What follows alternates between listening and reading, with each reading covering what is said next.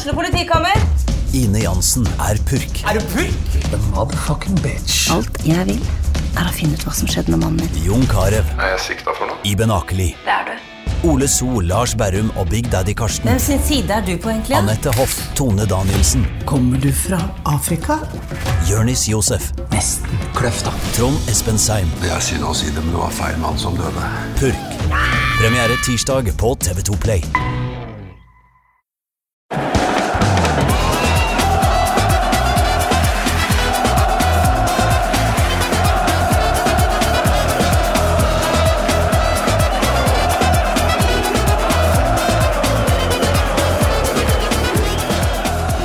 Hjertelig velkommen til en ny episode av Pyro og Pivo.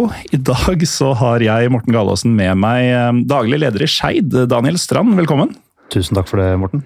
Du er jo en ganske ruvende skikkelse i seg sjøl, men eh, det er noe annet i rommet som eh, faktisk tar oppmerksomheten min akkurat nå. Kan du gjette hva det er? Er det Sagen og kjørepils som er tatt med meg? Det er eh, noe helt annet enn det. Det er noe helt annet. Jeg har, jeg har en mistanke. Ja. Det er fordi på eh, over en av stolene, de ledige stolene i eh, studio her, så henger en meget elegant pels. Som du kom valsende inn her på moderne media med litt tidligere. Hva, hva er det som foregår? Det er kaldt i dag. så da kler man seg for anledninga. Ja, egentlig det. Det er klubbens representasjonspels. og Den bruker vi når vi har ute i fint ærend og fint besøk. Ja, for Skeid har altså en egen representasjonspels eh, som, eh, som er nødvendig å bruke i møte med hva blir det, sponsorer, forbund Sponsorer, Norges. Fotballforbund, Pyro Pivo, altså alle plasser hvor en skal vise seg fra sin beste side. Ja. Bruker han litt privat, det skal i konfirmasjon eh, om et par uker. Da blir det ikke den som blir brukt eh, der. Ja, for da er du der både som eh, Daniel og som Skeid-representant? Ja, det begynner å gli inn i hverandre også, den der uh, identiteten der. Uh, ett og, ett og ene blir sikkert satt pris på det med familien når vi tar på oss den der. Ja, det tror jeg nok. Eh, Og det er jo ikke en hvilken som helst eh, pels. Altså, du sier det er Skeids eh, representasjonspels. Det er jo fordi det er jo ikke din eh, private pels. Du har Nei, ikke gått til innkjøp av den her. Den har eh, nærmest blitt tredd ned i halsen på deg. eh, Den, den innkjøpsprisen på den den ligger over mitt skarveklesbudsjett, eh, kan man si. Så den, eh, den har en, eh, en flott, flott, interessant historie. og Det er en eh, amerikansk coyote. Mm. Eh, Den er laga i Oslo. Eh, Vi snakka med han som laga den. Eh, Den er laga ved jeg tror på 70-tallet. Eh, Og anslått å ha en eh, veldig veldig høy verdi eh, i pelssammenheng. Eh, fordi man lager ikke så mye mer pels. Det har visstnok blitt eh, litt eh, passé. Ja, det er jo noen som også er redd for å bli hivd maling etter og sånn når de går med den, men der er ikke du. Nei, Det har gått veldig bra. Ja. Men, men jeg, har, jeg har funnet ut at den målgruppa som du oppnår lettest kontakt med når du går rundt med den der, det er eldre menn. Det, da kommer du veldig lett i prat. Hva er det eldre menn sier til deg når de ser deg sprade rundt med det som må sies å være en veldig elegant eh, pels, om ikke annet? Uh, yngre de uh, har faktisk stoppa og sagt er det tics. Eh, mens eldre menn de har humra og flira og skjønt eh, litt mer. Ja. Og det er jo sånn at du er jo daglig leder i Skeid. Skeid fikk jo en anselig gave, som det var litt sånn Om ikke kontroverser, så var det i hvert fall en stor del oppslag rundt hvor disse gavene kom fra. Dette er vel en del av den gaven, eller? Nærliggende å tro at du kan legge sammen to pluss to og fire. ja. det var overraskende lite kontroversielt, eh, faktisk. Vi fikk én negativ. Mm. Eh, Og resten har stort sett sett eh, humor i det. Ja. I at uh, andredivisjonsklubben Skeid mottar en masse pornopenger, rett og slett. Samt, samt en coyote-pels. Ja, og mye, mye mer. Det, det er ikke alt vi kan snakke om som eh, egner seg på lufttrykk eller visuelt medium av det som eh, vi nå skal selge. Nei, Jeg var jo med på en LSK-podkast som heter Harde mottak eh, for eh, ja, snart et år siden. Det var vel spilt inn den dagen vi rykka opp til Eliteserien igjen, i desember i fjor. Eh, og Da ble det jo et par glass i forkant eh, og en slags sånn feiringsepisode. og Da tok jeg med lytterne ut på det jeg kalte en visuell reise eh, fra min ungdom. Eh, og det er farlig nært det terrenget vi var på vei inn i nå, så kanskje vi skal gå til eh, dagens tema i stedet. Det kan vi godt prøve oss på. Eh, Vi skal rett og slett snakke tilskuertall. Og der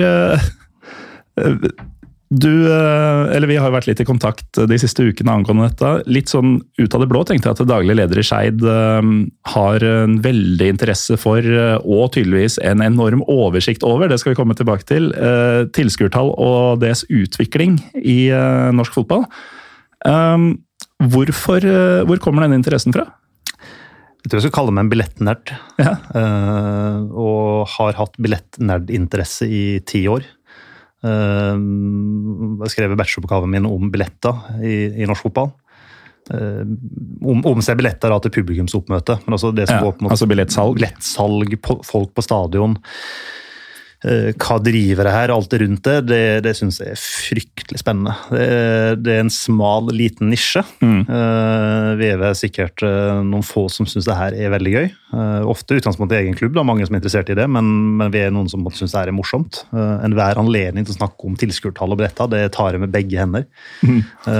og syns det er um, fascinerende konsept. Ja. For det er, så, det er, så, mye du kan diskutere rundt ifra det. Eh, for oss ti interesserte i Norge da, som har det her mm. som eh, hobby. Ja, men altså, å, å ha det som hobby og synes det er gøy og sånn, det er jo på en måte én ting, men um, at det er viktig, det tror jeg hele um, Fotball-Norge og egentlig også fotballverden er eller bør være enige om. Og det har jo vært, det er veldig i vinden nå, da. Dette med at nå er jo pandemien i anførselstegn over i Norge i hvert fall eh, tiltakene og restriksjonene vi har levd under, og folk kan igjen dra som de vil på alt av arrangementer, inkludert eh, fotballkamper. Og så er det jo det at eh, man har jo sett nå de første to rundene som har gått etter åpninga, at det er ikke sånn at folk nødvendigvis strømmer tilbake av seg sjøl. Og da blir det jo gjerne en litt negativ oppslag da, om at for få bryr seg og for få drar på kamp og sånn, men vi skal jo utfordre både det ene og det andre her. Eh, men vi kan jo kanskje starte med um, utvikling Altså hvordan var det før pandemien i Norge? Fordi de aller fleste som ikke har satt seg ordentlig inn i det, mener jo at norsk fotball har slitt med tilskuertallene lenge. Altså lenge før pandemien også, men så enkelt er det kanskje ikke, Daniel? Nei, og, og det blir en sånn Først må vi ta vi kan begynne i 1960. Hvorfor ikke? Og så tar vi det her år for år, og så bruker vi god tid ja. framover på det her. Så det er bare å spenne seg fast for det som blir en titimerssending i uh, tre deler. Ja, eller uh, mer. Eller mer. Vi tar den tida vi trenger. Men uh, min, min, påstand er jo egentlig at norsk fotball gjør det veldig, veldig bra. og at vi driver med en sånn der litt unødvendig sjølpisking. For hvis vi ser på uh, tallene, går litt tilbake i, i tid Det her blir vel kanskje første Pyro og Pivo med vedlegg ja. uh, i etterkant, for den som har lyst til å dykke ned i det? Ja, det kan jo være at vi legger ut noen grafer og diverse på pyropivo.com i kjølvannet av denne episoden, har jeg skjønt. Ja. Um, så, så, vi får forsøke å gjøre grafer og tall uh, tilgjengelig som lyttemedium. Mm -hmm. Men om vi, vi fordeler norsk fotball i femårsbolker, da, 1960 til og med 2019, som er på en måte det siste tallet. Mm. Eh, data er henta fra NIFS, som er NTB sin uh, store statistikkdatabase for norsk fotball. NIFS.no. NIFS.no, For den som ønsker å dykke litt inn i det her. Uh, det er noen svakheter i tallgrunnlaget, som jeg bare sier tidlig at jeg veit ikke hvilke år som har reelt oppmøte, hvilke år som har reelt solgte billetter. Mm. Ehm, jeg skrev jo en bacheloroppgave i 2014. Eh, for spesielt interesserte så finnes den på nett. Eh, og Det handla om Vålerenga sitt publikum som utgangspunkt, for da var jeg praktikant i Vålerenga. Men jeg tok hele Eliteserien når jeg først var i gang. Og Vålerenga var en av få klubber som oppga antall som møtte opp. Og det gjorde også Lyn. Det var fordi mm. på um, Ullevål så måtte de betale en provisjon i husleie per person som møtte opp. Så de hadde insentivet opp i lavest mulig tilskuertall for ja. å være lavest mulig uh, husleie. Så de, mm. de, ga opp det som faktisk møtte opp på hver kamp, kontra solgte sesongkort. Jeg tror nok alle andre i, i alle fall de siste 20-25 åra har oppgitt Uh, solgte billetter. Solgte billetter, mm. men ikke antallet som nødvendigvis er inne. Ja, for det husker jeg var uh, Altså, jeg er ikke noen unggutt lenger, men eh, jeg husker jo da at det var eh, litt sånn derre styr fra stadion til stadion en periode. Sånn, hva betydde tilskuertallet man fikk oppgitt? For noen ganger så kunne man jo se um, klar, uh, klar forskjell, i hvert fall hvis du kjente stadionet godt. Hvis jeg dro på Åråsen annenhver uke, og tilskuertallet ble oppgitt som noe én kamp, og så ser jeg at det er ganske nøyaktig like mange der neste kamp, men plutselig er vi 1500 færre. Eh, det var veldig vanskelig å forholde seg til på den tida. Ja, eller Molde, da, som er et kroneksempel på det. De har alltid 7000 tilskuere på hver kamp. Mm. Hvis du går på kamp på Aker stadion, så er det sjelden mer enn 3000-4000 mm. inne. Altså, så vi driver en sånn form for sjølbedrag på akkurat det med solgte billetter kontra reelt oppmøte. Mm. Så, så det, det, er en svakhet i tallene, for jeg, jeg vet ikke om uh, hva det praksis i 1965, da. Mm. Var, var, det inne, eller var det ute? Men vi, vi får bare legge til grunn de tallene vi har. Ja. Ja, det er vel rimelig å anta at det var mye sånn telleapparater i døra og sånn på den tida? At eh, det nok er oppmøtt i stor grad på den tiden? Jeg tror det. Mm. Og jeg velger å tro at kanskje sesongkort ikke var en så vanlig mm. uh, oppfinnelse. Men sant? her må en eldre garde kunne hjelpe oss med akkurat det. Men hvis vi tar på en måte, som sagt, disse femårsperiodene fra 1960 til og med 2019 2020 og 2021 er på en måte 2020 er et, eh, ja, det, det finnes ikke ennå. Kan liksom ikke bruke 2020. Mm. Og 2021 også er litt i samme kategori. Da har egentlig utviklinga med antall mennesker som har gått på kamp. Da tar vi alle som har gått på Åråsen et år og legger sammen. Vi tar alle som har gått på uh, Nadderud og legger sammen. altså mm. Det gjør vi for ligaen. Totalt antall tilskuere. Totalt antall mennesker som har vært inne. Så var det 2,8 millioner i 1960-64. Mm. Og så var det jevnt stigende fram til du kommer til uh, slutten av 70-tallet. Da dumper det ned på 80-tallet. Og da har jeg lest en del avissaker i uh, arkivet til Dagbladet og en del andre store aviser, uh, som omtalte på en måte publikumsflukten i norsk fotball på mm. 70- og 80-tallet. Men så man ser jo det, det når en slags bunn sånn ca. 1987, som vel var det året hvor eh, Tom Skanke og fotballens venner og sånn var inne med disse tiltakene ja. for, å, og det, og det, for å redde publikummet. Og, og det, er en sånn der eh, sånn typisk når i krise. Nå kommer ikke folk, vi må finne på noe gøy. Da er det fallskjermhopping på Åråsen, mm. da er det straffesparkkonkurranse, da er det cheerleading. Da er det Leif Hagen som skal sponse Skeid eh, i 1979, og skulle da ha strippeshow Bislett. Reell true story. Det skjedde? Det, det skjedde. Så dette Hagen-opplegget er ikke noe nytt? Det skjedde, skjedde nesten. uh, det er en, det er en, uh, det er en veld, veldig vi, Skal vi ta en digresjon? Ja, la oss det. La oss ta en digresjon. Jeg har, jeg har tvitra det her en, tidligere en gang, men um, vi er i 1979. Skeid holder på å gå konkurs, som så mange ganger før.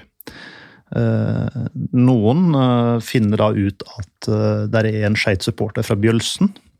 Men noen ivrig Skeid-supporter, det var man usikker på, men han var for Skeid-supporter.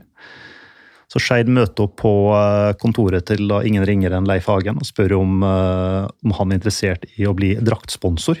Mm. Og ha da Aktualitetsmagasinet, Aktuell rapport, på ryggen av uh, Skeidrakta. Uh, han tenker sånn. Går med på det her.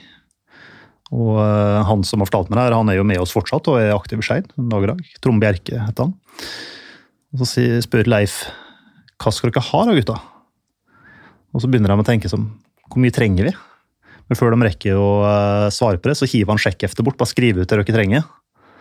Og så tar de og skriver ut uh, 50 000. 1979-penger, så er det ganske mye. Ja. Spør går det bra med 50, ja, ja, ja bare ta det, ta det ikke trenger. Så han skriver ut, løper ut, betaler kreditorene sine, får liksom pusterom, bare får betalt der. Det her var da det som skulle være den første av en tolv måneders avdrag på 50 000 hver måned i 1979. Mm. Og I tillegg skulle da Hagen koste på eh, ja, strippeshow, eh, masse rundt kampene på Bislett og skape mer blest rundt der. Så finner da Norges Fotballforbund ut at det her går jo ikke. Nei. Uh, Skeid kontrer med at med en aktuell rapport har jo annonse og reklame i Norges Fotballforbunds årsbok. Oi. Så årsboka til NFF har reklame for aktuell rapport. Da må det jo være greit at aktuell rapport uh, sponser oss. Og det her når jo da hele veien til Fotballtinget hvor det her blir en sak på tinget. Kan uh, norske klubber bli sponsa av uh, herremagasin? uh, Leif Hagen dukker opp på det fotballtinget med NRK på slep. Det klippet finnes dessverre ikke. Eller heldigvis, alt ettersom hvor du velger å se på det. Uh, det ender jo med at uh, det her blir så mye mediestøy. Jeg har lest alle saker skrev om det her i avisa. Det, altså, det var virkelig mediestøy. Mm. Uh, det, er, er, ordentlig sånn brudulje over to måneder på vinteren 1979. Og Det ender jo med at fotballtinget sier nei, altså lager en ny regel at det ikke er lov til å bli sponsa av blad som Aktuell Rapport. Og Skeiv får panikk. Da har vi brukt disse pengene. Hva faen gjør vi nå? Går tilbake igjen til Leif Hagen. Mm vi må heve, vi må heve kontrakten. Så vi får, vi får, lage en nedbetalingsordning da, på den 50 000 som vi allerede har brukt. Vi har, vi har brukt å betale kreditorer, mm. så er det bare å komme med ny en. Hvordan løser vi det her? Eh, så Lene og Leif Hagen så bordet bare sånn Er du gæren? Er du klar over hvor mye reklame jeg har fått? Vil dere ha mer penger? Så han berga klubben fra konkurs i 79. Ja, Selv uten strippere? Sjøl uten strippere og ingen reklame. Nå hadde du fått oppsending i Dagsrevyen flere ganger. Nå var jo ja. millionverdi i reklame. Mm. Så han eh, visste hva han eh, drev med. Men eh, forsvant Aktuell Rapport også fra Fotballforbundets årsbok etter dette? Det gjorde Aktuell Rapport. Okay. Men Fotballforbundet har vært seg sjøl likt i flere tiår, tydeligvis. altså. Ja. Min egen kommentar. Men i alle fall da, tilbake igjen til Man ser på en måte trenden har gått ned, og så har det kommet en sånn stigning der i, utover 90-tallet. Og så har man fått den der fantastiske gullalderen, da, vi skal bare kalle det for det. Hvis vi, mm. hvis vi drar referanse tilbake igjen i sendinga, så kaller vi gullalderen 2005-2009. Da var vi over ni millioner mennesker som var inne på norske fotballstadioner i den perioden her. Det er en markant økning fra dem 2,7 da, som var inne i 85-89. Mm. Altså vesentlig mer mennesker. Si, det, det, spilles litt flere kamper i året. Eh, for vi har utvida serien, så vi spiller litt mer matcher med flere lag. Men det er ikke noe sånn ekstremt stor mengde flere matcher. Nei, og så er jo, Hvis man ser på snittet ved siden av her, så er jo det gått fra drøye 5000 til 9500. Ja. Um, så det nuller jo eh, veldig ut det med at det er flere kamper. Ja, for, for, den er på en måte litt mer interessant uh, enn på totalmennesket, på en måte snittet. Og da har du den der uh, gullalderen. Da var det 9578 i snitt på norske fotballkamper. Mm. Den siste femårsperioden vi klarte å tilbakelegge oss da, så var det 6400. Altså fra 2015 til 2019? Ja, så det er en nedgang. Men allikevel er den der siste perioden vi har tilbakelagt oss, bedre enn uh, alle andre perioder før. Altså Den er, den er mm. helt lik 2000-2004, og så er den bedre enn alt før. Uh, alle så femårsperioder før. Uh, men vi sammenligner oss hele tida med den der gullalderen disse her fire ganske unike åra, 2005-2009, som har et helt vilt publikumsnitt i, uh, i denne sammenheng. Ja, For oss som faktisk sitter og ser på de grafene her nå, så ser man jo at det er en Det er jo ikke en naturlig eh, kurve, på en måte. Eh, når du ser alle de andre periodene, så stikker den ekstremt ut ja. akkurat her. Og, og det er på en måte min, min lille tese, da Mm. Hvis vi skal snakke litt om gullalderen. Eh, for vi liker jo gullalderen. Eh, vi elsker jo 2005-2009. Ja, jeg likte ikke så godt 2005, men resten var bra. Eh, det er jo ut ifra ståsted på klubb, men, mm. men for, norsk fotball som helhet så er det her på en måte en, en fantastisk periode. Men, men, jeg kaller det her for en, en perfekt storm. Mm. Altså, den, den, den, er så perfekt som det kan få blitt. Og jeg tror ikke vi får tilbake alle faktorer på en gang som gjorde det her perfekt. For før 2005 så er det én fotballklubb som har vunnet 13 ganger på rad. Mm. Det er ikke noe gøy. Altså, Sjøl dem som heier på Rosenborg, syns jo egentlig ikke at det er noe gøy å vinne 13 år på rad. Nei, altså Jeg husker jo fra den tida at uh, da begynte jo si På slutten av 90-tallet, begynnelsen av 2000-tallet, så begynte jo dette med å diskutere fotball på internett å bli større og større. Og jeg husker jo at eh, jeg leste jo trøndere som i fullt alvor eh, kom tilbake fra å ha slått Haugesund 4-1 på Lerkendal. Omtalte det som en begredelig forestilling. Altså, man var eh, man var ganske blasert i Trøndelag på den tida. Ja, ja, fullstendig. Altså Når du da vinner seriegull nummer åtte, mm. så er jo det en, en liten applaus. Ja, Og så, visste du det på en måte allerede i mars. Ja, ikke sant? Det er en hyggelig hendelse. Ja, men det var flott. La oss nå mm. konsentrere oss med Real Madrid på onsdag i Champions League. Det er litt viktigere enn eh, mm. hjemme mot Sogndal. ikke sant? det, det, altså, Uansett liga vi snakker om, det er ikke noe gøy når ett lag har et totaldominans eh, i en sånn tidsperiode. Mm. Så Rosenborg-hegemoniet det falt. Det ble alvorlig utfordra i 2004, da de vant på målforskjell på overtid Mm. mot Lyn i siste runde med Frode Johnsen eh, på Lerkendal. Mm. Men, men det er jo å fortelle folk at nå, nå er noe eh, i forandring her. Eh, Det hjalp nok at det var Vålerenga som måtte, hovedstadsklubb som var med å utfordre. Men du fikk også disse åra her et begrep som kalles for konkurransebalanse. Det er et begrep fra spillteorien. Ja, det må du gjerne forklare. I, i sin enkelthet, Um, med en høy konkurransebalanse, kan alle slå alle. Mm. Men med en lav konkurransebalanse så vil lag nummer én alltid slå lag nummer to. Lag nummer to alltid slå lag nummer tre. Lag Mm. nummer tre alltid slå lag nummer fire osv. Du får da en maksimal spredning av poeng. Altså du får størst mulig avstand fra førsteplassen til sisteplassen. Da har du en lav konkurransebalanse.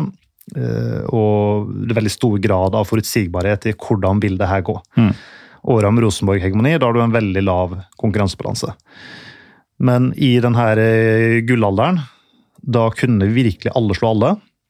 Eh, Poengsnittet da, for å vinne ligaen var mye lavere enn andre år. Ja, og det husker jeg fra mm, spesielt siste del av Rosenborg-hegemoniet, så var det litt sånn i Sverige at det var ofte mange lag om beinet i gullkampen. Eh, og ikke liksom dette lokomotivet da, som man har snakka så mye om i norsk fotball. Og vi som ikke holdt med Rosenborg, vi lengta jo etter eh, svenske tilstander. Eh, og nå fikk vi det endelig. Og så skulle det alltid være noen grinebitere som sier at ja, men nå er norsk fotball dårligere fordi ingen stikker seg ut. Ja, og, og det, det, det er sånn for meg en sånn der eh, baklengs argument som er at Men, men spiller noen rolle at uh, serbisk liga er bedre enn norsk, da? Drit i det. Jeg skal jo se på norsk fotball. Ja. Altså, det, det, det er jo irrelevant. Altså, jo da, det er gøy at norske lag hevder seg i Europa, men det har ingenting med det hjemlige produktet å si for min del. Nei, jeg tenker jo Isolert sett så, så bør det jo være viktigere for en hvilken som helst si Ålesund-fan da, at Ålesund er best mulig i sitt eh, konkurranseområde, som er Norge. Eh, og ikke så altså, sekundært hvordan de vil gjøre det mot ja, serbiske lag, som du sier. da. Ja, altså Bodø-Glimt ryker ut eller går videre i e-cup for, for OFK-fansen. Spiller det en rolle, da? Altså, Who cares? Eh, altså der og da, da, sånn, eh, så du kan få si at du har en høy eh, uncertainty of outcome. altså Enhver fotballkamp er åpen. Det her kan gå alle veier. Da er det òg morsommere å gå på fotballkamp. Uh, hvis du veit at det her vinner du 7-0, altså det her er en sånn klink hjemmeseier 7-0, det mobiliserer på en måte ingen masse til å komme på kamp. Men, men en spennende toppkamp hvor du frykter å tape, den skal du ha med deg. Ja, og den skal også andre som ikke holder med noen av lagene, ha med seg. Ja, Så det får jo en eh, sånn snøballeffekt. på TV 2. For da kommer som neste sånn perfekte faktor i stormen. Den ekstreme TV-dekkinga. Altså, du må ta med deg at uh, På 80- og 90-tallet i Norge så sendte vi fortsatt fotballkamper i opptak. Sånn, du, vi, vi kommenterte På radio kunne du høre kampen. Og så sånn, Etter Kveldsnytt da sender vi Norge-Nederland i opptak fra i går. Det endte for øvrig 2-0 til Norge, eller kanskje 0-2 til Nederland. Eh, Det, det, er liksom, det er mediehverdagen vi har hatt. Eh, Internett det er virkelig for spesielt interesserte. Mm. Her kommer TV 2 inn og skal sende alle kamper. Altså, det, det er noe nytt. Du får levende bilder fra alle norske fotballstadion i den perioden her. Og den dek dekkinga, oppbygginga gjennom uka, oppbygginga til åttekampen på søndag på TV 2, altså den, den er enorm. Ja, så du har jo en kanal som har rettighetene til fotballen, men som også er en av de to som folk har på hver dag gjennom dagen, gjennom uka. eh, Med egne nyhetssendinger, med egne sportssendinger og sånn, hver dag. Altså De kunne teppebombe folket. De kunne nærmest drive propaganda eh, for norsk fotball fram til eh, fotballen kom. Og det funka. Ja, helt, fantastisk. Og en av uh, tingene jeg satt faktisk og drev med den der eh, bacheloroppgaven, har det litt langt i bakhodet, det var at jeg gikk inn og så på eh, om vi fant noen sånne sammenhenger da, eller eh, kausalitet eller noen korrelasjoner mellom måte, publikumstall og noen faktorer. Mm. Og det var inne og så på, eh, fordi folk har ekstremt mange gode grunner til hvorfor de ikke går på fotballkamp. Altså, det er faen meg den unnskyldningslista Ja, ja. folk for hvorfor de ikke går. Den er enorm. Har du noensinne hørt noen klage på at det er for få lokale? Nei, Altså, det det er for lite lokale spillere på laget mitt, det er bare utlendinger. den har jeg ikke hørt. Eller den har jeg hørt mange ganger. Nei, det er for mye utlendinger. Det er for mye dårlige utlendinger. Ja, ja sånn. Jeg tenkte om Derfor, derfor, derfor går jeg ikke på kamp. Mm. Det er for mye dårlige utlendinger. Og så blir ofte den her 2005-2009-perioden det blir ofte litt forklart med at nei, det var, vi har brukt så mye, hentet så mye dårlige utlendinger. Men jeg sjekka spilleminutter. Eh, norske spillere utgjør fortsatt majoriteten. Vi henta mye Mm. utlendinger, men de var for, var for dårlige til å spille. Eh, men jeg fant ingen uh, connection mellom uh, antall utlendinger og hvor mange som gikk på kamp. Mm. Jeg fant ingen sammenheng hvor mange lokale du hadde det. og så måtte, Hvis Tromsø da hadde masse nordlendinger, om det var noen sammenheng mellom uh, andelen nordlendinger som spilte, kontra ingen sammenheng. Det eneste jeg fant en sånn klar sammenheng mellom, det var antall profiler. Eh, Da fikk jeg hjelp av supportere av hver klubb. De måtte definere er det her en profil for ditt lag. Eh, Morten Kamps Pedersen, er det en profil for Tromsø? Ja, nei. Mm. Eh, En sånn reservekeeper for Balkan, er det en profil? Ja, nei. sant? Eh, Hvis profilene fikk mye spilletid, da var det òg mye publikumstall. Men da blir det spørsmålet som høna og egget. Når blir en profil en profil? Og Da tror jeg den TV-dekkinga til TV 2 eh, var med å bygge fram det. Mm. Og Det er kanskje nostalgien i meg som prater, da, men jeg syns vi hadde noen fantastiske profiler i den perioden her, som vi ikke har liksom helt i dag. Altså Det var noen karakterer som bydde på seg sjøl. Ja. Vi har liksom ingen Raymond Kvisvik akkurat nå. Nei, det er lite Raymond Kvisvik, eh, Jan Åge Fjørtoft, eh, Steffen Iversen, Kjetil Rekdal. Nå er Rekdal for så vidt fortsatt i norsk fotball, men han er ikke oppe i trynet ditt hele tida. Nei. Så, så, så vi hadde på en måte en, en, en, en miks som Mm. gjorde at media klarte å skape noen fantastiske profiler, som òg blei noen år. Leverte på banen, og du, du visste på en måte motstanderlaget. Når du, du kom, liksom, fikk besøk av eh, Lillestrøm, så visste du på en måte hvem Robert Korén, uh, Mikael uh, Mifsud altså du, du, sånn, du kjente det laget der. Ja, det kunne være sånn, Du kunne allerede ha bestemt deg for at han hater vi, han må vi passe oss for. Uh, han virker ålreit. Ja, Vidar Riseth, et fantastisk mm. stykke menneske for norsk fotball den perioden her. Altså, Enten hater du Vidar Riseth, eller så hater du Vidar Riseth. Eller så syns du han var i beste fall ok. Ja. Uh? Men, men det er jo fantastisk for produktet. Eh, så må du ta med det at utenlandsk fotball var jo vanskeligere å se. Altså, ja, Champions League var der fortsatt. Eh, engelsk fotball, som er et, en syke når det kommer til konkurranse for norsk fotball, var her, men det var mindre tilgjengelig. Du måtte ha satellitt-TV, du måtte liksom gjøre en jobb da, for å få tak i det her. Mm. Og så ble det bygd nye, flotte, moderne stadionanlegg eh, i den perioden her. Det, det er på en måte en perfekt storm. Mm. Og det er jo veldig mange ting som sammenfaller her. Eh, som neppe sammenfaller veldig mange ganger på en gang. Eh, gjennom disse femårsperiodene eller tiårsperiodene, eller hva man skal se. Det, det ser jo unikt ut på grafen, og det låter jo unikt når du ramser det opp også. Ja, og så må på en måte noen som kjenner 1980-84 bedre enn meg. Eh, Jeg levde jo ikke da. Eh, Jeg fulgte ikke med på norsk fotball før jeg var født. Jeg Kunne fortelle meg hvorfor var det en dupp, hvorfor var det dårlig da. Og så er det noen spesiell grunn til at det var dårligere enn forrige femårsperiode. Mm.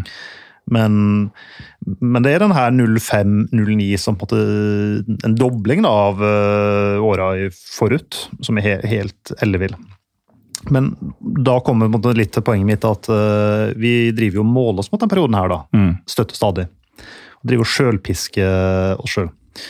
for hvis uh, vi som kan se, ser litt på eh, stadionene i, eh, vi har bygd. Fordi eh, det var 19 klubber som bygdes en ny stadion, eh, eller drastisk moderniserte sin eksisterende stadion i den eh, Molde var først ute i 98 med Ja. nye Røkkeløkka, og så var på en måte Vålerenga kom sist, da, som måtte bygges inn i Mm. 2017. Åpna den. Men utrolig mange nye stadioner eh, Ja, i, rundt, altså under, litt før og litt etter denne ja 2005, 6, 7, 8, da åpna liksom masse nye stadion. Og øh, veldig mange av dem øh, har en kapasitet som var bygd ut ifra liksom, det maksimale oppmøtet på gamle stadion. Mm. Og så må vi ha litt til. Ja. Fordi vi skal jo ha vekst. Altså, det, her her, det treet her det skal jo bare vokse videre. Det var vel det de sa om Vegas i sin tid. Eh, If you build it, they will come. Og Det er litt det folk eh, tenkte i norsk fotball på den tida. Ja, og, og tar vi på en måte Her får jeg bare beklage til alle sørlendinger, men det var ingen som er bedre til å piske egen klubb enn sørlendinger eh, når det kommer til start. Eh, De bygde seg en ny stadion i 2007. Det, det er det skrekkeksempelet i, uh, i stadionbygging. Ja, det, norsk det er det fotball. liksom. Det er det liksom. verste. I, ja. Det, det, det Start, og det er Telenor Arena. Mm. Start er verst. Eh, den gamle Kristiansand stadion den tok den, det, altså det maksimale registrerte antallet inne er 16.563. Mm. Eh, men disse gamle stadionene hadde jo ståplasser, og, Ja. og du kunne skvise inn mer mennesker enn du kan på, en måte, på en sånn all-seater-stadion. Ja, det er jo sånn jeg som vokste opp med si andre halvdel av 90-tallet, eh, fotballen da, eh, som sjekka sånn, hva heter det stadionet, hva er kapasiteten og sånn, så så man alltid at publikumsrekorden eh, fra noen tiår tilbake var mye høyere enn dagens kapasitet, og det var jo fordi man hadde begynt å få inn seter og sånn. Ja. Eh, og de stadionene finnes jo i stor grad ikke lenger heller. Ja, Skeid hadde jo eh, 33 000 på hjemmekamp mot, eh, i en treningskamp mot eh, Spartak Moskva Mm. i 1947 eller noe sånt. Eh, det er fortsatt den best besøkte kampen i norsk fotball noensinne. Og det er de 33 000 registrerte, Ja. så det er sikkert Hvor gikk den? Det var Bislett, om jeg ikke tar helt feil. Ja. Du får ikke inn 33 000 på Bislett i dag. Nei, det er jo faktisk fysisk umulig. Ja? Så, så du har noen sånne ville sånn tall å sammenligne med. Publikumsrekorden på Ullevål er jo han der predikanten som var der. Eh, Da var vi 100 000 inne. Mm. Eh? Så det, men iallfall altså så har Start maksimalt greid å registrere 16 000 tilskuere på én kamp. Men det er jo ikke det som har vært liksom, uh, gjennomsnittet. Mm. Gjennomsnittlig så har det kommet 6923 når Start har vært i uh, Eliteserien. Vi starter en jojo-klubb, så det har vært liksom opp ned, opp ned, opp ned, Mm. men det er eliteserietallet. Eliteserietallet fra Kristiansand stadion. Kristiansand stadion. 6923 mennesker har uh, Det igjen det jeg sa tidligere, jeg vet ikke om de har møtt opp eller løst billett, men det er for det registrerte tallet de har oppgitt. Mm. Så bygger de seg ny stadion. Du vet da liksom at her kommer det 7000 mennesker og ser kamp. Det er snittet vårt. For å få et snitt på 7000 så er det jo avhengig av at det kommer 10 000 på noen, og så får dra opp litt, men du, du vet det. Da skal du bygge ny stadion, da finner du ut Da bygger vi en som tar 15. For da må det jo komme 15, for de tar jo 15. Ja, ja. Uh, og det nye gjennomsnittet på Sør Arena, det er da 6934. Det låter mistenkelig likt eh, det det var på Kristiansand stadion. Det har gått opp med 11. Elleve mennesker. 11 mennesker. Og det har blitt, det har blitt noen sesonger siden uh, 2007, hvor den Mm. åpna, eh, som gjør at det er ikke bare ett år. Det liksom, det har fått nok sesonger til at det tallet her betyr litt. Ja, det tallet er reelt. Og det er også interessant med tanke på at eh, nå har du et stadion hvor det er tak overalt, f.eks., som sikkert var et hinder for folk i gamle dager. Ja, det, det, det er jo mye mer attraktivt å gå på? Sør Arena. Fasilitetene generelt mye bedre, Ja. men folk kommer ikke. Ja. Altså, folk kommer, men ikke flere enn før. Ja, og Hvis vi da sier på en måte hva er fyllingsgraden til start? Igjen, dårligste i klassen. eh, Det er 48% Fyllingsgraden, da snakker vi altså hvor mange av setene er tatt, eller Ja. hvor mange av plassene Hvis stadion tar eh, 10 000, Mm. du har i snitt 6000, da har du 60% fyllingsgrad. Eh, Så fyllingsgraden til start på Sør Arena det er 48 Så i snitt over alle disse åra, og må ta med at Start har rykka ned ofte og sportslig eh, aldri gjort det bra Mhm. eh, på Sør Arena, eh, så er det litt forklarende, men men allikevel, har, du- har du noensinne da hørt noen si du må kjappere kjøpe billett, for det blir utsolgt på Sør Arena? Nei, men nå prøver jeg å unngå Sør Arena for alt det har vært etter noen traumatiske opplevelser. Nei, øh, jeg har fått Lillestrøm-supportere har vel bremset litt. Uh, jeg trenger ikke snakke om det. Men altså, un under 50 er, eh, er besatt. Fyllingsgraden. belegg, belegget er så dårlig at der kan du i bunn og grunn rive halve stadion, Mm. og, og likevel får du liksom få, få med dem som uh, vil, og litt til. Ja. Uh, og, og det, og, det her er ikke noe unikt uh, når vi nå på en måte drar uh, Start og kjører bussen over dem og rakner på Start. Vålerenga er like dårlig. Ja, i hvert fall nesten. Altså Start er jo eneste som har under halvparten eh, av de som jeg ser på grafen du ga meg, i hvert fall. Men, men det er ikke langt over 50 på flere av disse klubbene, inkludert uh, mitt Lillestrøm. Ja, uh, Vålerenga er litt urettferdige, for de har bare to fulle sesonger uten covid på Intility. Mm. Uh, der har det gått sportslig svakt. Så Vålerenga har jo da en nedgang kontra på en måte de åra på Ullevål Etter de dro fra Bislett da, til Ullevål, så har de en nedgang. Men samtidig så Jo da, det er urettferdig fordi de har vært ganske ja, ikke så gode eh, i de åra, og, og, det er kort tid å bedømme det på, men samtidig så er det jo den der boosten de alltid snakker om at de skulle få når de flytta i anførselstegn hjem. da. De har jo leid stadioner på vestkanten som jo ble helt feil ja. image og profilmessig, og sånn, og så skulle de endelig komme ja, til et steinkast fra det faktiske Vålerenga. Uh, og det var ikke måte på hvor, like, like hvor stort det skulle bli. Like langt fra Sør-Odalen til Valle vet du, som det er til Ullevål. Ja.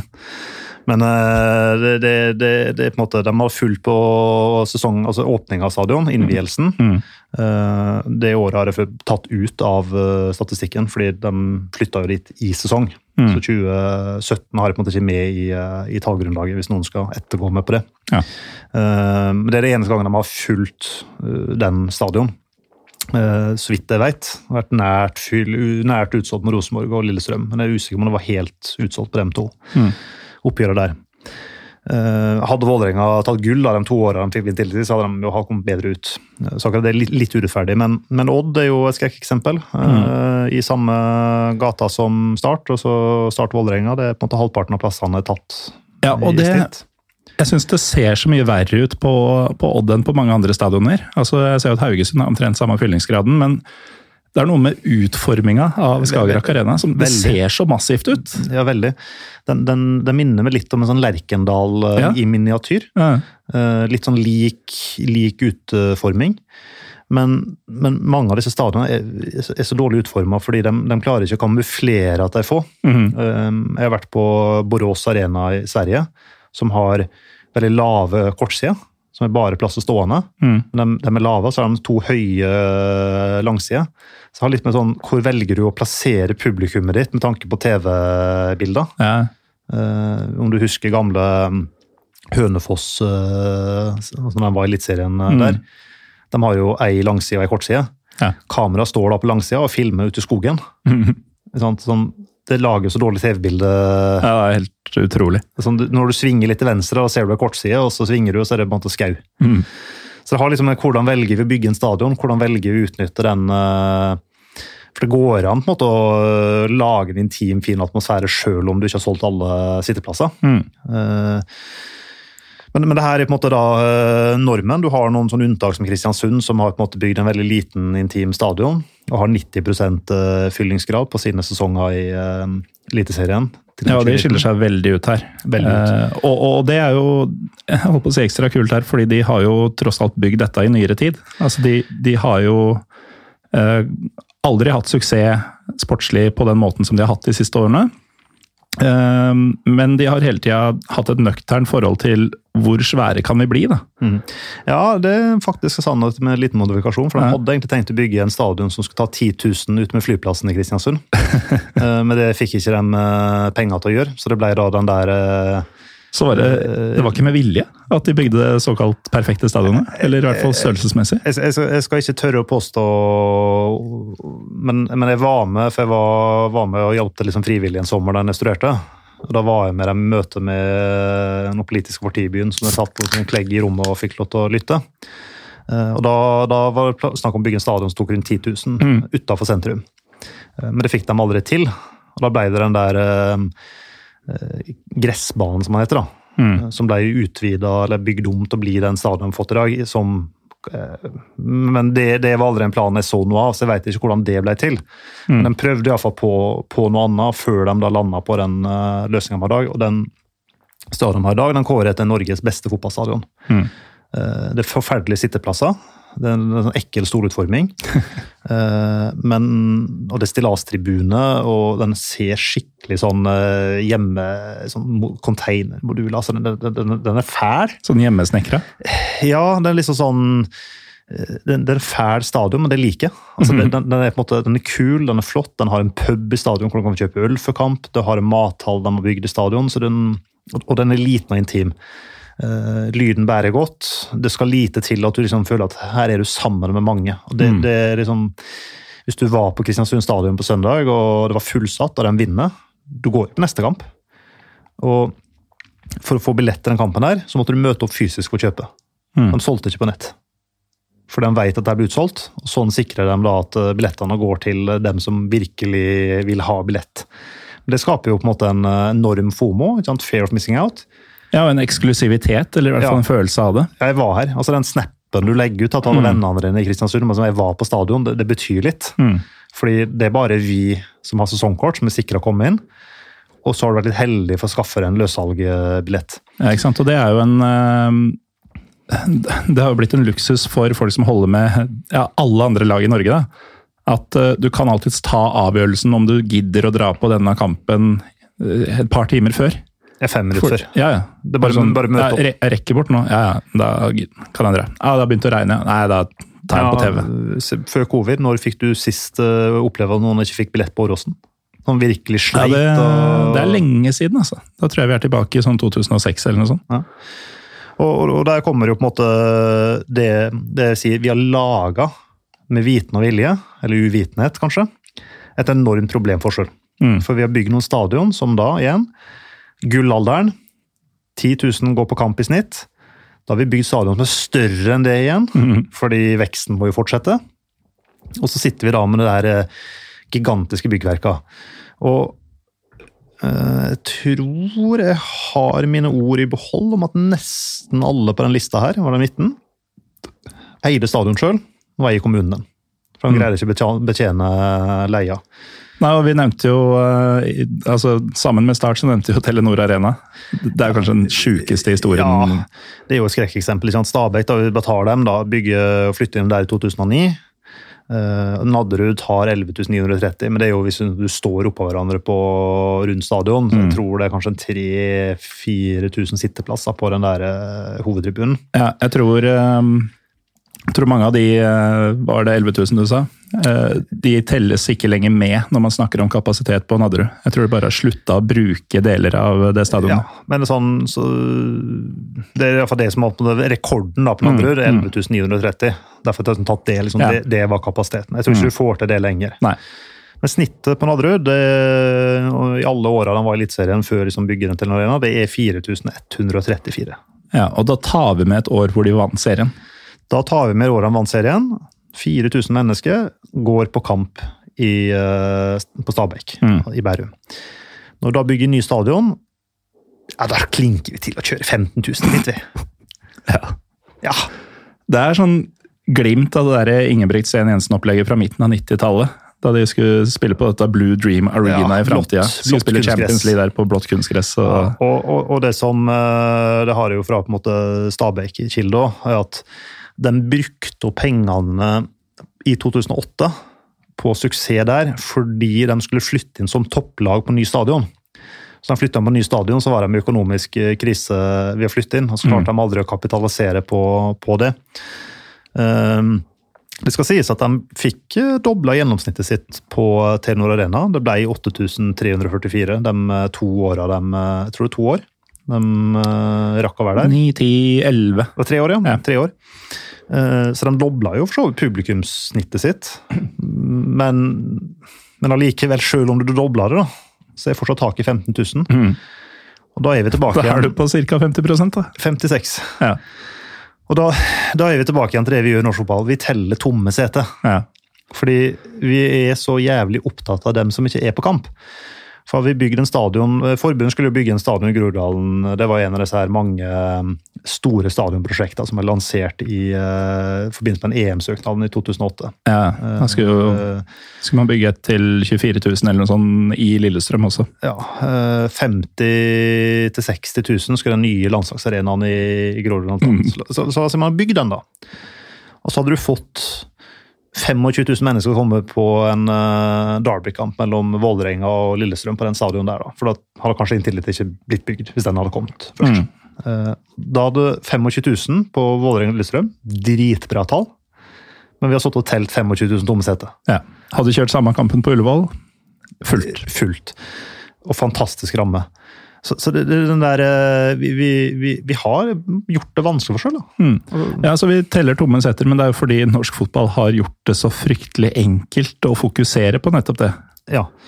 Og, og da må jo vi på en måte Men da forteller jo vi, da, vi ivrige, liksom, vi som bryr oss, vi som følger med og glad i norsk fotball, vi forteller jo dem som er litt sånn halvveis på sida, at uh, ja, vi sliter med attraktiviteten, og det er få folk som går, og det var bedre før. og Vi, vi, vi framsnakker ikke produktet vårt når vi teller tomme seter, og på en måte pisker oss sjøl på den måten her, da. Um, og, og, og, og, det sier jo ikke at jo, vi skal være fornøyd med Hvis Start bare greier å komme oss opp på 60 fyllingsgrad, da, så skal vi være fornøyd. Uh, jeg, jeg, jeg, tror man, Start er kanskje et vanskelig eksempel, da, for den, den, den, er så overdimensjonert. Men uh, du har jo sånn Viking som uh, ligger på en 65% De også også bygd så stor. Mm. Uh, som kanskje med god jobbing over tid greier å komme opp mot For de bor i en by som har på en måte potensial til det her. Mm.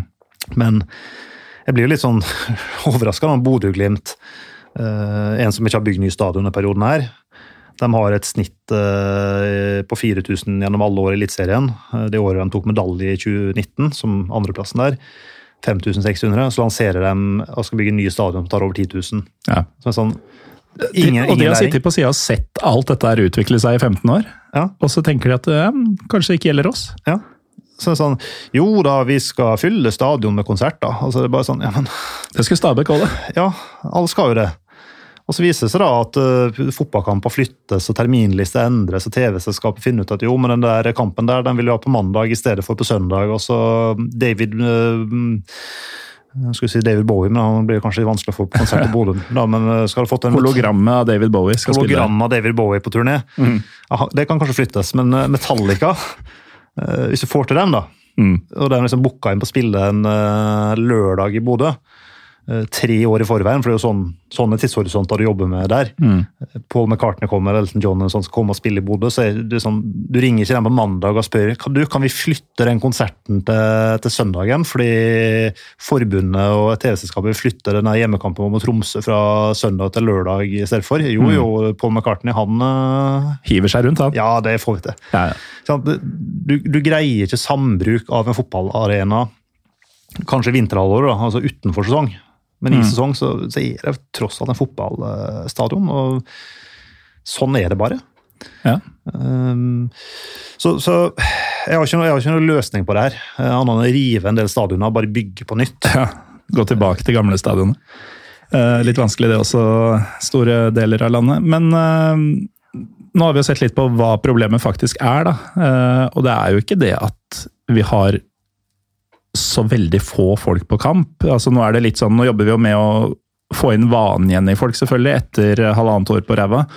Uh, og det er jo en kamp som blir tyngre enn uh, en mange kanskje har tenkt på forhånd. At man har gått og bare venta på et startskudd, og så skal det være som uh, den faktiske frigjøringsdagen. Så mange brukte ordet frigjøringsdag for et par uker siden. Det er jo ikke Jeg tror, jeg tror um uh, gjenåpninga var for gradvis.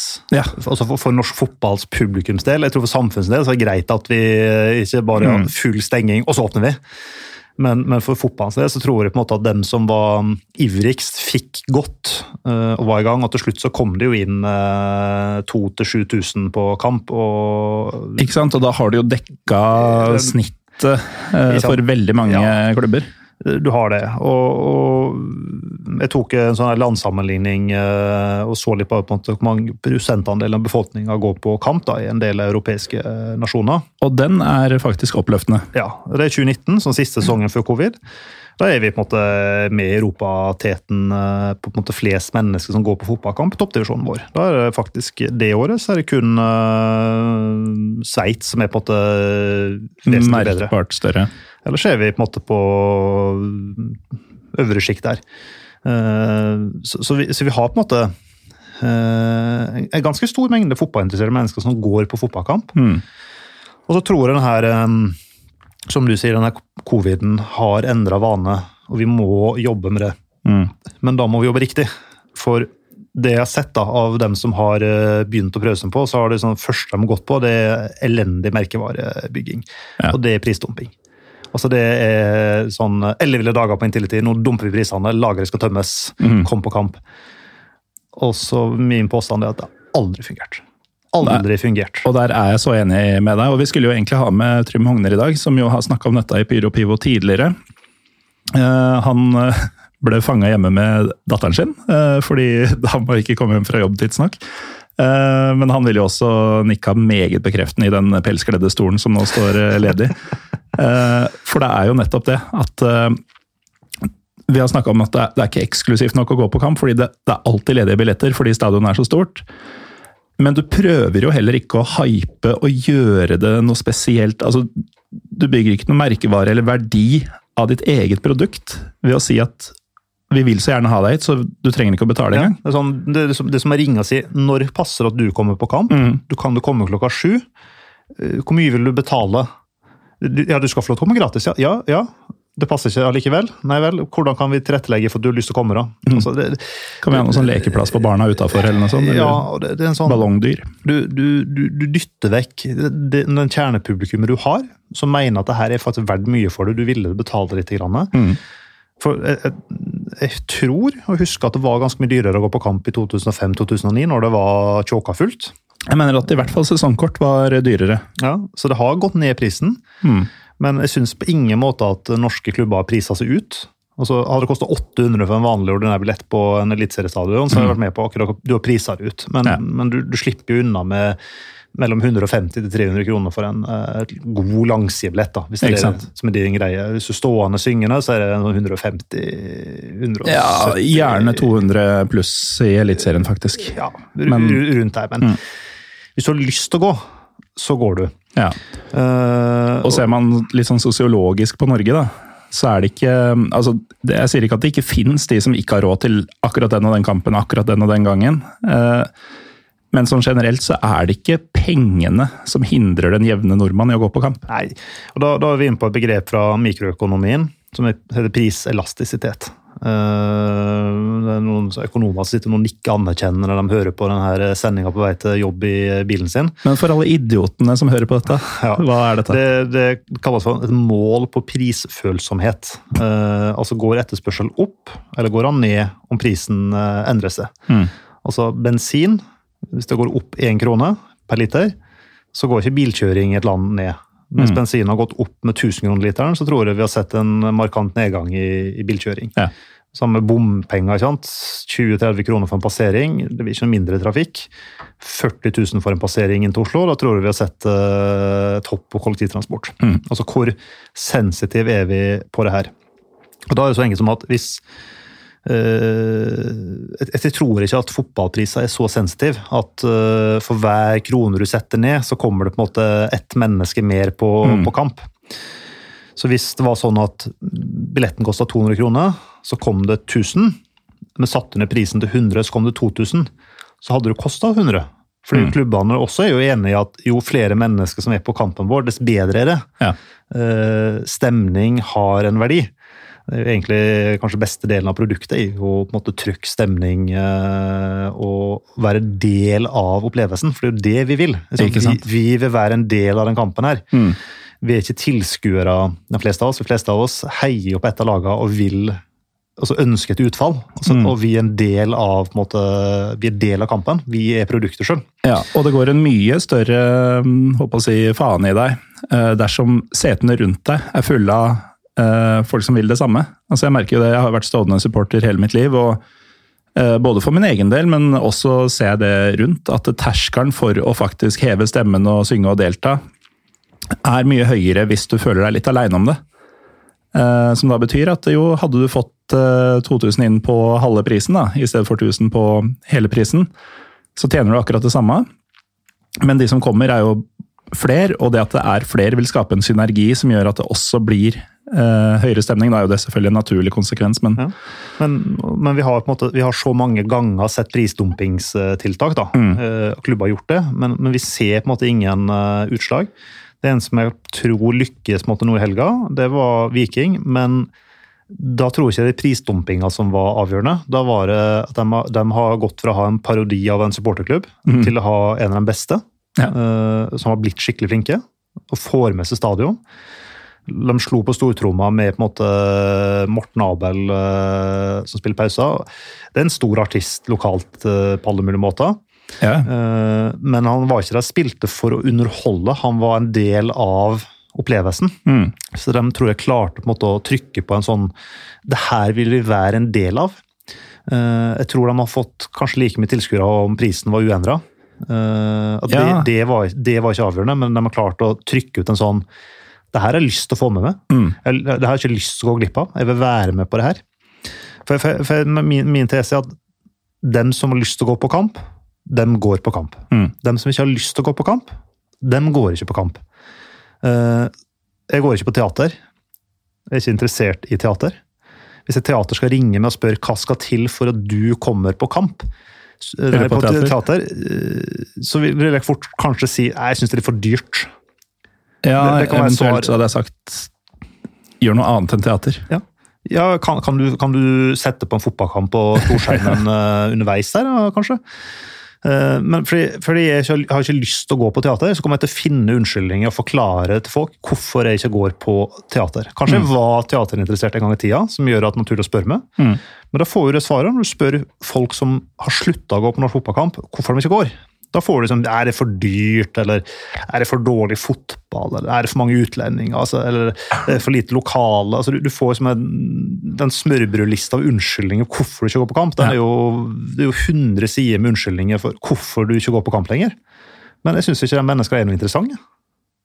Nei De har slutta. Ja, for så vidt. Men eh, det ligger jo forhåpentligvis i mange av dem noe latent, da. eh, som kunne For de gikk jo på stadion en gang i tida. Eh, Så er spørsmålet Om man ikke kjøper de argumentene deres, hva er det da? Eh, Fordi fotballen var ikke noe bedre da det gikk. Eh, Det var ikke noe færre utlendinger eller flere lokale, som du sier.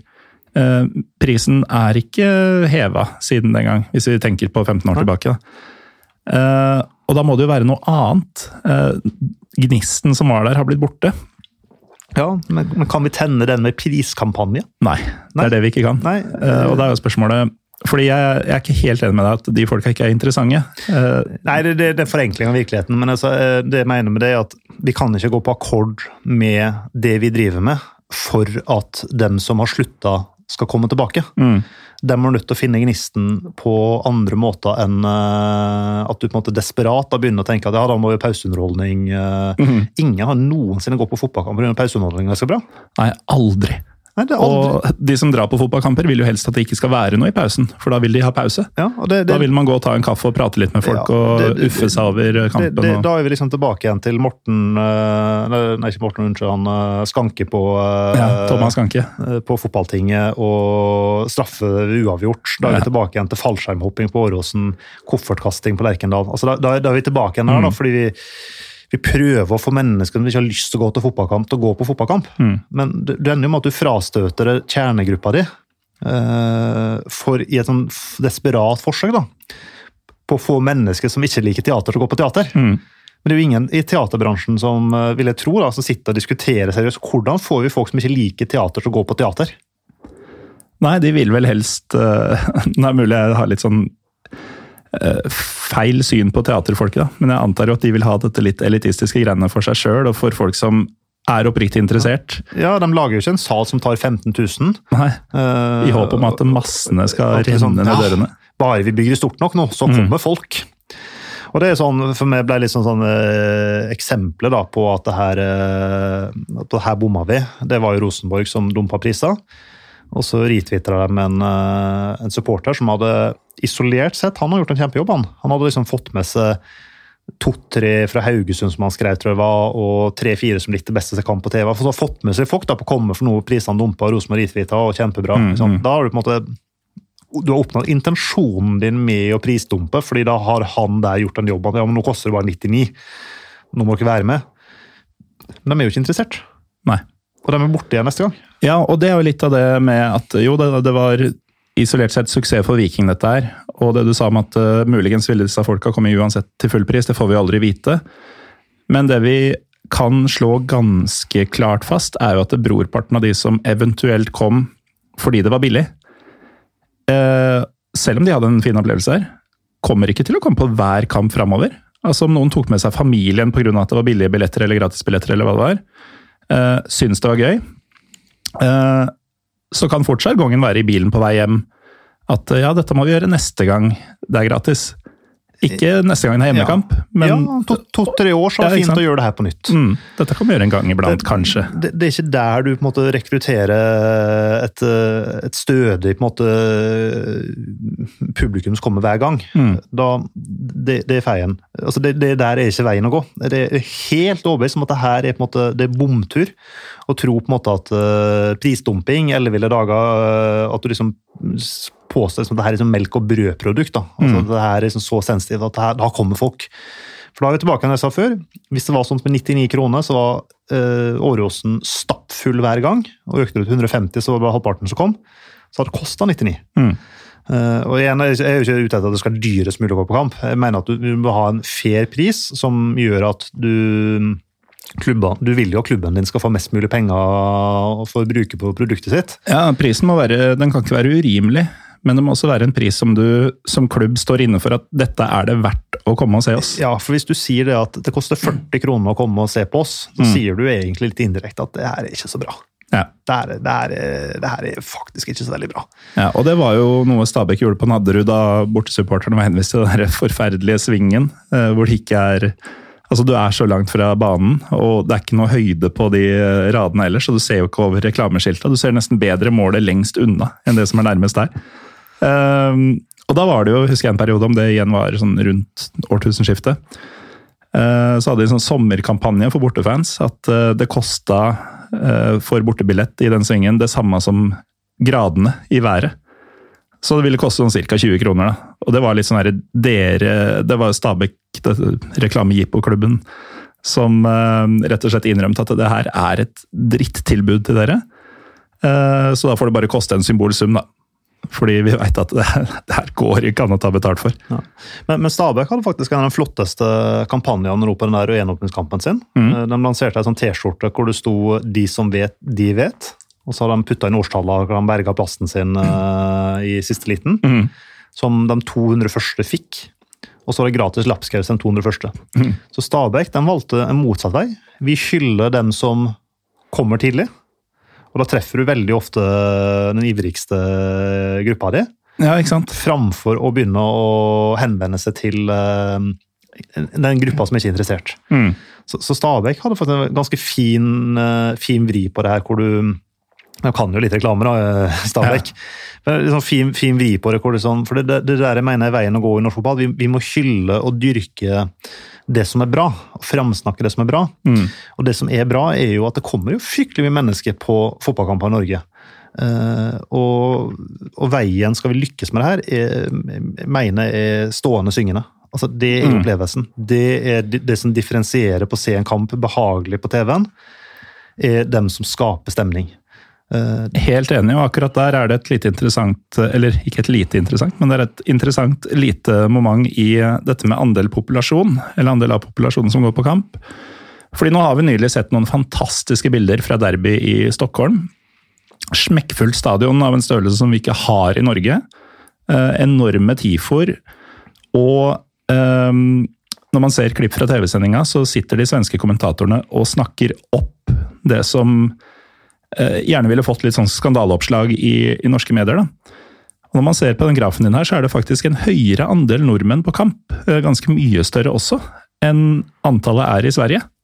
I hvert fall var det sånn i 2019, som er ganske representativt for ja, hvordan ting har vært i nyere tid, da, i normale tider. Eh, og det må vi nesten ta til oss. At eh, vi har ikke de stemningstoppene som de har på de største kampene i Sverige ennå, men vi har faktisk Det er flere nordmenn som er interessert i egen fotball, enn det er svensker som er interessert i sin egen fotball. absolutt. Og, og, og du må ta med at svenskene bor jo i Stockholm Ja. og Malmö. Mm. Det, det, bor ikke bare, det er bare der svensker bor. Ja. Altså- Noen i Göteborg, men så er det tomt. Ja. Og de har kort vei til bortekamp. Mm. De har kort vei til hjemmekamp. Det er litt mer styr hvis du er i Tromsø og drar på bortefeltet på Sør Arena. Mm. Så de har jo på en måte en konkurransefortrinn der òg, da. At det er korte avstander å snakke om. Mm. Det er liksom, Hvis alle norske eliteserieklubber har vært på Østlandet, så kunne du sammenligna med liksom at det er kort vei, er, sånn, det er maks en time til eh, nærmeste bortekamp. Mm. Sånn er det jo nesten i Sverige. Ja. Altså, Se vekk fra Østersund, da, som ligger liksom en utkant, så er det jo det er konsentrert rundt et Relativt lite område. i Sverige, hvor det er kanskje fire-fem timer Ja, lengst. å Med gode veier og Ja, sånne ting. Men, men så er det jo det at eh, når man har sett nordmenn på Twitter de siste dagene snakke om nettopp den kampen, eh, så er det jo med store øyne og hvorfor kan vi ikke få det sånn i Norge osv. Og, så går det et døgn omtrent, og så smeller NFF noen bøter til klubber som har prøvd. Ja, og det, jeg jeg syns det er så feil vei å gå, fordi vi angriper dem som er stemningsskapende. Dem som på en måte eh, gjør at det her er verdt å gå på kamp. Ja. Altså, eh, Beste norske fotballkampen jeg har vært på, det var i Jeg har lyst til å si 2018. Det kan hende ta feil at det var i 2017, for jeg husker ikke alltid helt eh, hvor jeg var til enhver tid. Men jeg var på Intility og satt eh, bom midt på streken på en kamp mellom Rosenborg og Vålerenga. Hvor det var fullt bortefelt, det var fullt hjemmefelt.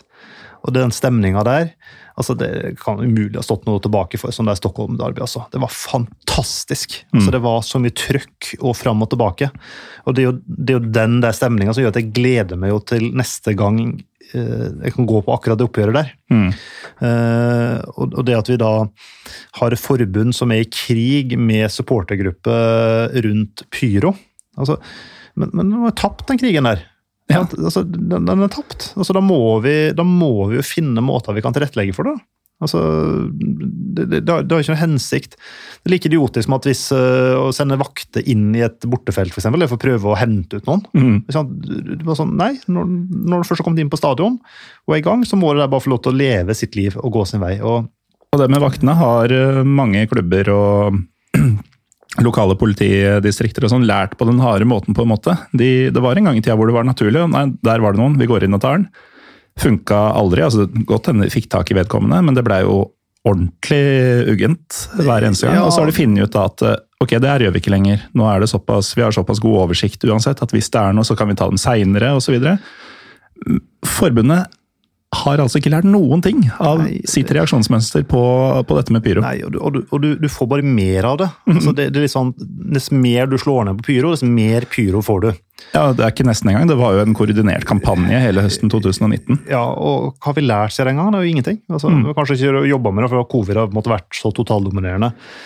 Men, men det, det, det, altså, er så baklengs inn i framtida å tenke at det her skal man da forby å forkjempe. fordi hva om eh, stående syngende hadde på en måte felles bestemt seg for at nei, men da slutter vi å gå på kamp? Mm. Altså, ok, men Da kan vi ikke bare ha det så godt Norges Fotballforbund. Da finner vi andre utløp for eh, interessene våre. da. Det, det vil ikke skje, men altså, bare som et tenkt eh, eksempel. Mm. Hvem søren gidder å gå på en eliteseriekamp hvis de er borte? Altså, da, da, hva er da igjen? Da kan du Ja. ikke gjerne se det på TV. Nei, da, da er det slutt, da, Ja. faktisk. Så, så der må vi jo finne måter ok, Hvordan kan vi få det her tilrettelagt på? da? Altså sånn, ok, Da må, må stående syngende rundt og må nok gi noe tilbake dem òg. Mm. Godt hende at måtte, den der kalde ukontrollerte pyroen som på en måte er, er i dag, da, hvor du på en måte fyrer opp og står midt inne i folkemengden, at ok, da må vi kanskje legge vekk den, mot at vi får lov til å fyre opp på egne oppfyringsfelt med på en måte noen trente tekniske som får lov til å på en måte drive med det. Mm. Men det har kommet for å bli, og folk syns det er gøy. Ja. Og, og, og det må jeg si, det er jo kjempetrygt å gå på norsk fotballkamp. Jeg har aldri noensinne følt meg utrygg. Altså, ok, Vi har noen alternative miljøer som slåss, men stort Fryktelig sjelden de håper å si, krysser stier med Ja, normale folk. de møtes jo på uh, eget område, avtalt. Uh, Og aldri inne på stadion. Nei, det, det, det har noen ganger krøpet litt for nær stadion etter min smak. Mm. Uh, men, men på det jevne så, så, så er det på en måte det, det, det er et samfunnsproblem. Det er ikke et, eh, et stadionproblem. Mm. Det er ikke et klubbproblem. Uh, og ikke er det noe stort fenomen som måtte gjør det utrygt å gå på kamp. Mm. Uh, og, og den lille volden som har vært rundt norsk fotball, det, det- det skjer mer på en lørdagskveld på byen enn det lille greiene som har vært rundt norsk fotball. Ja, ja. Men, men det får så store overskrifter. Mm. Altså det, blir, det blir så svært og blåst opp. Og der gjør media en bjørnetjeneste mot uh, norsk fotball. Skulle slått opp hver gang noen krangla på byen, da, på samme måte som de gjorde på fotballstadion. Har jo ikke skrevet om han gjennom uka. Nei, ikke sant. Uh, Men nå har vi snakka mye om hva som ikke bør gjøres, holdt jeg på å si, for å få folk til å gå på kampen. Hva, hva er det man bør gjøre? Altså, Hvilke grep er, eh, er riktige for å få Ja, en ganske stor andel som allerede går på kamp, til å bli enda større. Ja, nå spør du det vanskelige spørsmålet. Ja. Uh, altså, Du snakka om å jobbe riktig i sted. Ja, jeg, jeg, tror vi må tilbakeendre den perfekte stormen mm. og se hva fungerte den gang. Noen ting får vi Vi kanskje gjenskaper Rosenborg-hegemoni i 13 år for at vi skal få en liten boom igjen. Ja, Det er det ikke verdt. Nei, det jeg tror jeg sjøl Rosenborg-fansen innerst inne også er med på at uh, det er en høy pris å betale. Selv om mm. de vil aldri si det høyt. Men uh, vi, vi må nok gjøre noe med konkurransebalansen. Altså, vi, vi, er avhengig av at det må nødt til å være spenning og at det må være noe å spille for. Uh, jeg har uh, vært imot å kutte antall lag i Eliteserien før, men det har vært fordi jeg ser ikke poenget å gå fra 16 til 14. Uh, men det kan hende at det er moden å ta en ny runde på det der, men hvis du først skal kutte antall lag, da må du kutte så det monner. Mm. Eh, men jeg, men jeg, er veldig usikker på om det er riktig vei å gå når det kommer til publikum. For det er ikke sånn at det publikummet som da forsvinner i, eh, i, i, en by, vil flyttes over til en annen by. Fordi, Nei, det, fordi i Norge er det en veldig regional konkurranse. Mm. Hvis Haugesund hadde forsvunnet fra norsk toppfotball, så, så ville jo ikke sponsorene og publikum til Haugesund da flytte seg til Brann. Da, da, forsvinner bare de pengene og den interessen og de menneskene. Ja, så I den grad det kunne fungert, er jo at man hadde jo ikke fått noe særlig sånn her, Det hadde blitt mindre rom for sånne klubber som Ranheim og Mjøndalen, som altså, no offense, men er uh, for små for uh, den generelle fotballinteresserte nordmann. Så du, uh, hvis du er Vålerenga-supporter, da, så kommer aldri den Vålerenga-Ranheim-kampen som du liksom må bygge opp Eh, bygge deg sjøl opp for å gidde å gå på. Ja, altså, jeg tror nok en, en, quick fix kunne vært å kutte til ti lag i uh, Eliteserien og spille en trippel serie. Uh, og så ville du sagt ok, du mister noe fair play der med at noen lag får uh, Du får to ganger hjemme mot dem og én gang borte mot dem. Mm. Jeg misliker sluttspill. Så det, er ikke, ja, det må vi aldri gjøre. Det er ikke en modellønske, men Heller ikke noe som har fungert i noe særlig grad i de landene. Aldri fungert. Men går man ned til ti lag, da kutter vi jo såpass at da er det ganske høyt sportslig produkt på den tid som gjenstår, for å konsentrerer jo TV-potten i færre klubber. Ja, det er jo en faktisk eliteserie. Faktisk eliteserie. Eh, Sveits eh, som på en leder den 2019-andelen der, det er vel ti lag i toppdivisjonen. Ja, og Danmark eh, som ligger Altså, det er, det er, ikke rare forskjellen på Danmark og Norge, men de har jo også en veldig liten eh, toppserie. Ja, de hadde vel rota litt med sluttspillvariant, mm. uh, som jeg har ikke veldig stor tro på det. Men jeg, jeg, tror kanskje det er på en måte en quick fix hvis, hvis det viktigste for oss er at publikumstallene må opp. Uh, fordi dess oftere Lillestrøm og Vålerenga møter hverandre, dess flere vil jo publikumstallene vil jo da bli bedre. Men det kan jo hende at uh, futten ut av det oppgjøret går litt ut hvis det blir for ofte. Ja. Altså det blir hverdags det er ikke et høydepunkt i året. Mm. Så, det kommer alltids et nytt hvis man går glipp av det. Ja, eh, ja vi møter jo dem tre ganger i år, så det mm. mister det første, så får du det andre. Så kan du få en sånn effekt. Men jeg, jeg, tror, jeg har veldig tro på at TV 2 tar over eh, norsk fotball igjen. Um, nå har vi vel ett år til etter det her med Eurosport. Ja, som, for, som, for, så vidt har gjort en fin jobb, og alt sånt, men de, de har jo ikke den samme massive De har ikke tyngden, tyngden som TV 2 har. TV 2. Og det er jo TV 2 som mister Premier League. Ja. Så de, dette blir jo flaggskipet deres i hverdagen. Altså, Champions League-sesongen er jo i stor grad ikke overlappende med norske fotballsesongen, og kampdagene er jo aldri det. Jeg, jeg tror jo vi ser allerede fra sommeren, høsten neste år at uh, Eliteserien kommer før Premier League i sportssendingene til TV 2. Mm. Vi så jo måten de degraderte norsk fotball på det siste året de hadde norsk fotball. Ja. Da var liksom Harald Bredli kommentator med Drillo i alle kamper. og de, Null studiosending etter kamp. og det var sånn, sånn, det her, Vi har mista rettighetene, da gir vi faen. Ja. Nå bygger vi opp Premier League i stedet for. Mm. Eh, det tror jeg kan være på en måte en, eh, en boost. Og så er det en eh, vanskelig fiks at vi faktisk må bygge om en del stadioner. altså. Altså bygge dem om? Bygge dem om. Vi må rive og bygge om. Fordi det har stor effekt. altså Det å risikere å ikke få billett. Um, nå jobber jo jeg i Skeid og må innrømme at det er jo litt små, uh, småskala sammenligna med eliteserieklubber. Men når vi hadde maks 200 pga. covid-regler, så var det kø i døra. Mm. Eh, desperasjon. Folk ringte, maila, og sesongkorta ble jo revet unna. Så vi, vi solgte jo ut på sesongkort. Men så friga jo sesongkortinnehavere fikk en mail da, på forhånd om at hvis du ikke kommer, er det fint om du kan si ifra, for da kan vi selge billetten din på nytt. Mm. Så vi på en måte fikk frigjort en 40-50 billetter til hver hjemmekamp i fjor. Og, og det at du liksom, det her, det, det kø i døra er begrensa, det, altså, det rev unna med en gang. Mm. Mens eh, i år, når vi nå har åpna igjen for fullt, og vi i andredivisjon kan på en måte ta inn så mange vi bare har lyst til Hvor mange er det dere kan ta inn da? I andredivisjon kan vi ha ståplass. altså Rundt banen så i teorien skulle vi tatt inn eh, 10 000 på Nordre Sånn Ja, men altså, Hvor mange er det plass til? sitteplasser så har vi eh, 800 på hovedtribunen og litt over 200 på bortefeltet. Mm. Men, men, men nå veit oslofolket, da, er snart å skjønne at nå kan jeg avgjøre fem minutter før eh, avspark eh, passer eller passer ikke å gå på kamp. Mm. Mens når du hadde frykt for å gå glipp av det, og kjøpte billett ei uke i forveien, da har du forplikta deg Ja. til å komme. Og det at du har for stor stadion, det gjør jo at denne forpliktelsen til å komme, den er borte. Mm. Og forpliktelse til å komme, den, den er ganske viktig.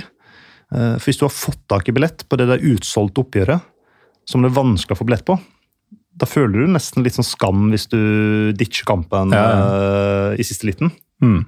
Men start mot eh, Mjøndalen i Eliteserien på Sør Arena med 9000 ledige seter. Hvorfor skal du kjøpe billett på forhånd? da? Du kan jo bare møte opp og si hei, her er og kjøpe billett i døra.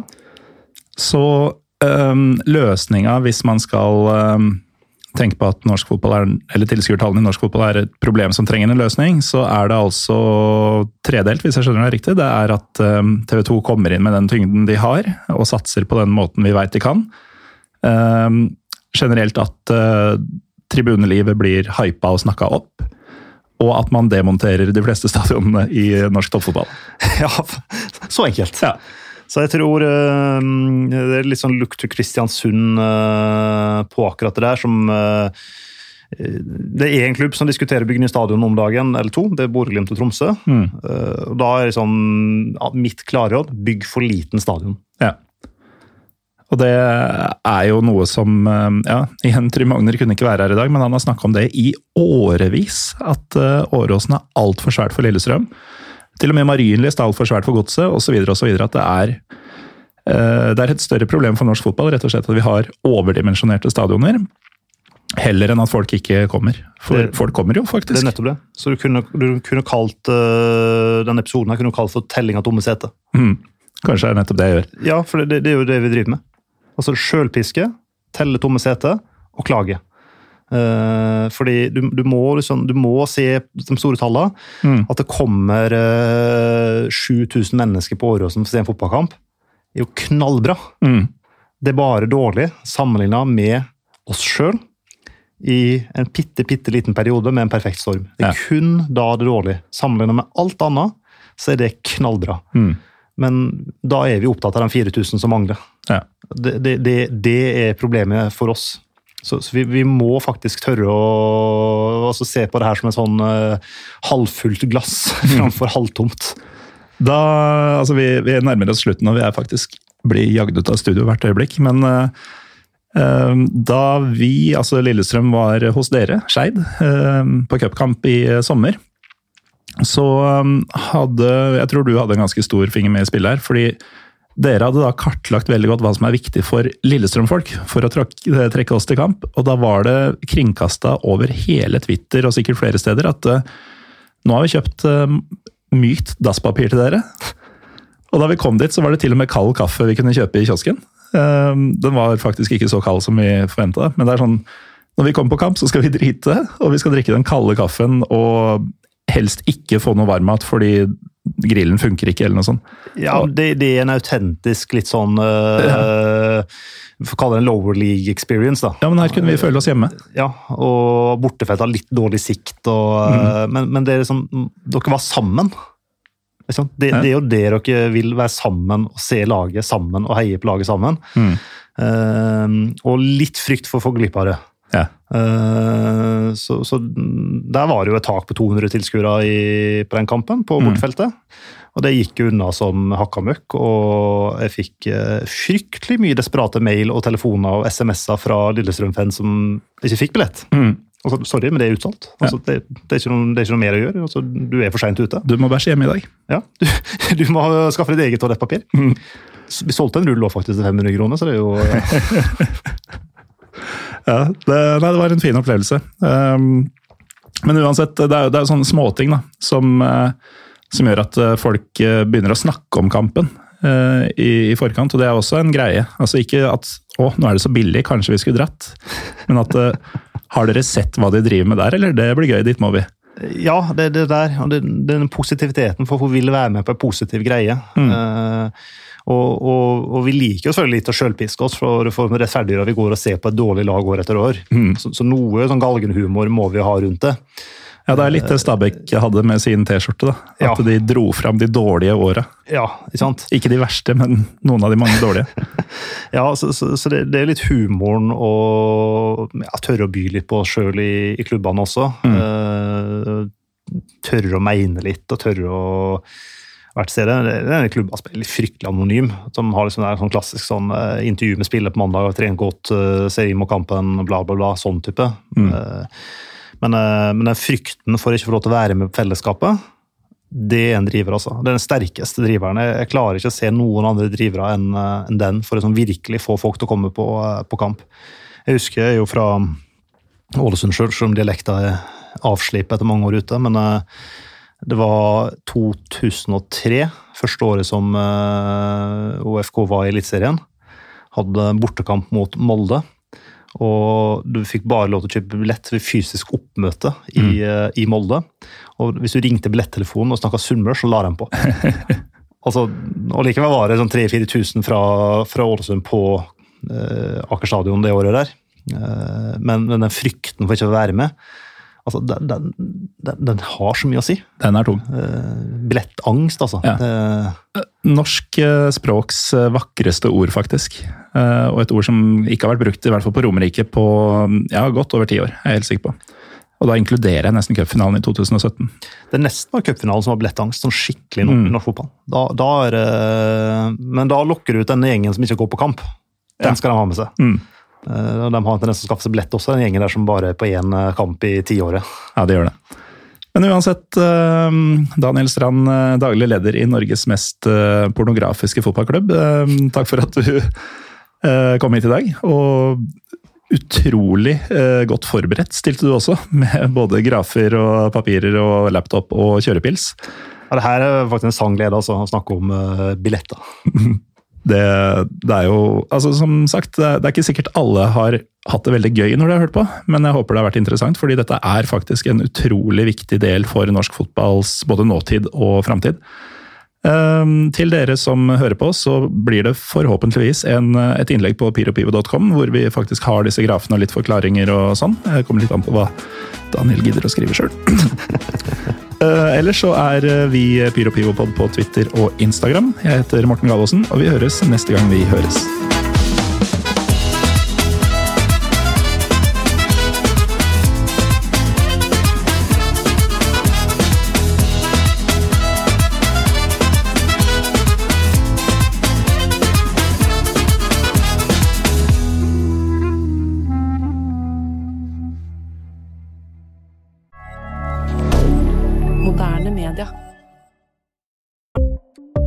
Ukens annonsør er HelloFresh. HelloFresh er verdens ledende matkasseleverandør og kan være redningen i en travel hverdag. Mange av oss har nok vandret i butikken både sultne og uten en plan for middagen, som ender med at vi går for de samme kjedelige rettene gang på gang. Middag burde være dagens høydepunkt. Som HelloFresh kan du nå velge mellom 25 ulike retter hver eneste uke, eller få HelloFresh til å sette sammen menyen for deg. Dette gir deg muligheten til å prøve nye og spennende retter alene eller sammen med familien. Du velger antall porsjoner og får alt levert på døren på et tidspunkt som passer for deg.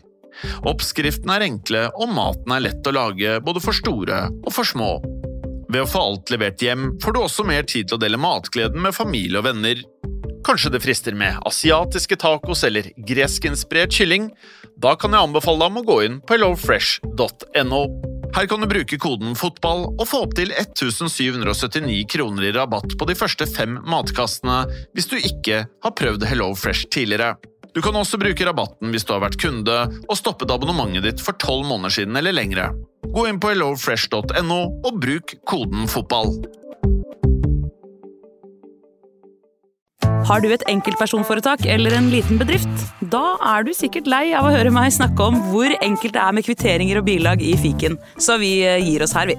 Fordi vi liker enkelt. Fiken superenkelt regnskap.